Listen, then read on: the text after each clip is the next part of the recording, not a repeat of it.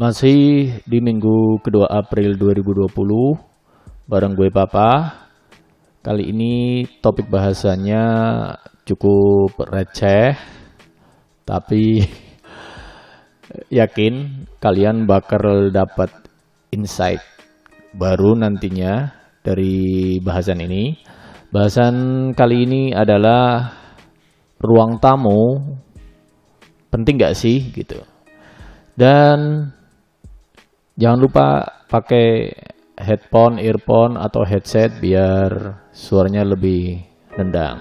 Dan selamat datang di Ngompas Podcast. Eh nggak tahu tiba-tiba kepikiran aja gitu bahas tentang ruang tamu antara perlu nggak perlu antara penting nggak sih uh, kita tuh punya ruang tamu gitu ini kayak semacam jadi keresahan gue ngelihat ruang tamu di rumah gue sendiri kayak kayak nggak berfungsi sebagaimana fungsinya. uh, kebayang nggak sih? Gue berangkat kerja tuh jam setengah tujuh itu udah udah paling siang tuh. Uh, balik kerja nyampe rumah paling cepet tuh udah jam 5 Senin Jumat tuh Senin Jumat hampir selalu kayak gitu. Jumat malah Jumat malah setengah enam gue udah paling cepet tuh. Setengah enam udah paling cepet kalau lebih dari itu ya udah bisa jam 6 maghrib gitu atau bisa jadi habis habis maghrib nyampe rumah. Terus tiba-tiba kepikiran terus kalau gitu ngapain ada ruang tamu gitu kan? Sementara kalau dari namanya jelas ruang tamu namanya ruang tamu kan berarti fungsinya ya buat menerima tamu dong buat menerima tamu ya kan sementara dengan aktivitas kerja yang lumayan padat lumayan padat dari Senin Jumat berangkat pagi pulang pagi dan yakin banyak juga nggak cuma gue yang ngalami kejadian kayak gini mungkin orang-orang yang tinggal di Jabotabek bisa lebih parah lagi. Nggak cuma setengah tujuh berangkatnya itu udah setengah tujuh udah di jalan kayak misal orang Depok gitu kalau ke Jakarta naik KRL gitu kan setengah enam masih di setengah jam enam lah jam enam udah paling siang mungkin kan. Kalau yang kayak Bogor bisa jadi subuh kan kalau jam ngantornya atau jam kerjanya jam-jam setengah delapan gitu. Dan yakin dia bakal baliknya pasti di atas jam 5 Gak ada kayaknya jam 5 nyampe rumah Kalau orang-orang yang uh, tinggalnya di Botabek Tapi dia kerjanya di Jakarta atau kebalikannya orang yang tinggalnya di Jakarta tapi kerjanya di ya wilayah penyangganya Jakarta lah Bogor, Tangerang, Bekasi gitu. Dan keresahan ini gue yakin juga bukan cuma dialami gue doang, Artinya banyak orang yang mengalami seperti ini, apalagi untuk generasi-generasi era era milenial gitu ya.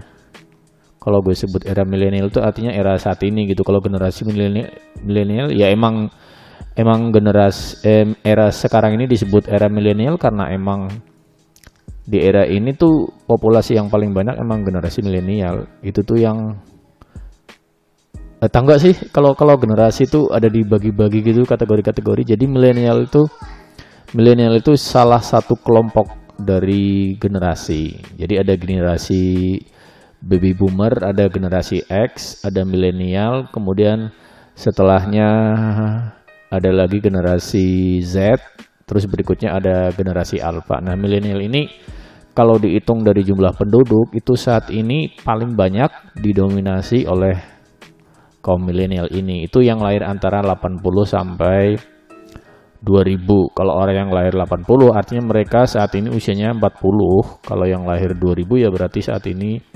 uh, usianya 20. Jadi rentang usia 20 sampai 40 itu adalah kelompok usia yang paling banyak saat ini di Indonesia. Dan di usia-usia 20 sampai 40 ini termasuk termasuk dalam kelompok usia-usia yang produktif juga makanya mobilitasnya ini cukup tinggi. Kayak misal usia-usia 20 kan masih usia-usia kuliah gitu kan usia 40 lagi produktif-produktifnya uh, dia di usia kerja makanya mobilitasnya tinggi. Nah uh, berkaca ke hal tadi terus gue tiba-tiba kepikiran. Uh, terus selama ini ruang tamu fungsinya buat apa gitu kan? Pertama itu karena dia berangkat pagi pulang malam gitu. Kecuali satu minggu. Satu minggu banyak kan orang weekend. Kecuali kecuali minggu-minggu ini dong karena ada anjuran buat WFH kerja dari rumah atau ya udah di rumah aja gitu kan. Kecuali pekerjaan lo emang mengharuskan mau nggak mau harus keluar rumah.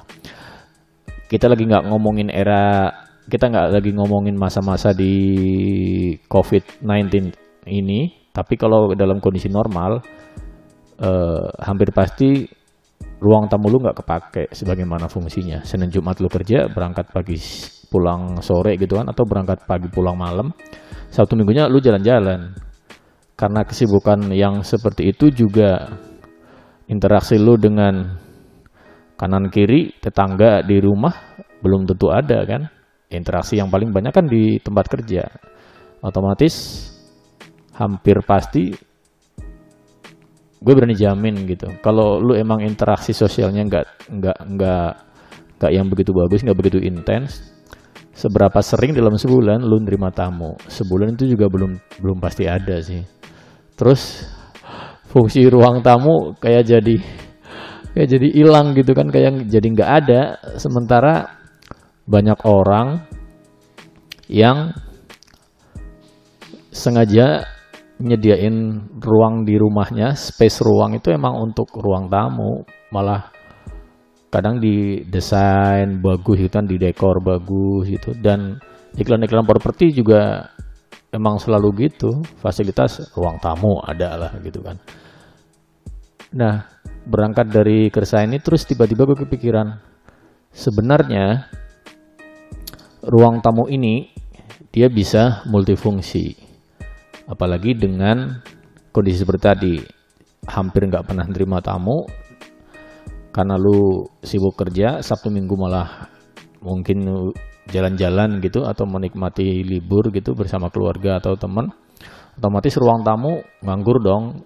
Dan karena nganggurnya dan yang nggak pernah dipakainya ini, sebetulnya dia bisa dijadikan multifungsi. Makanya kemudian ada uh, ruang tamu yang difungsikan juga sebagai uh, sekaligus ruang keluarga mungkin. Itu kalau yang rumahnya tipe-tipe tipe-tipe rumah kecil. Tapi tipe rumah yang gede pun belum tentu ruang tamunya kemudian dia bisa kepake gitu. Kayak misalnya contoh rumah yang terlalu gede gitu.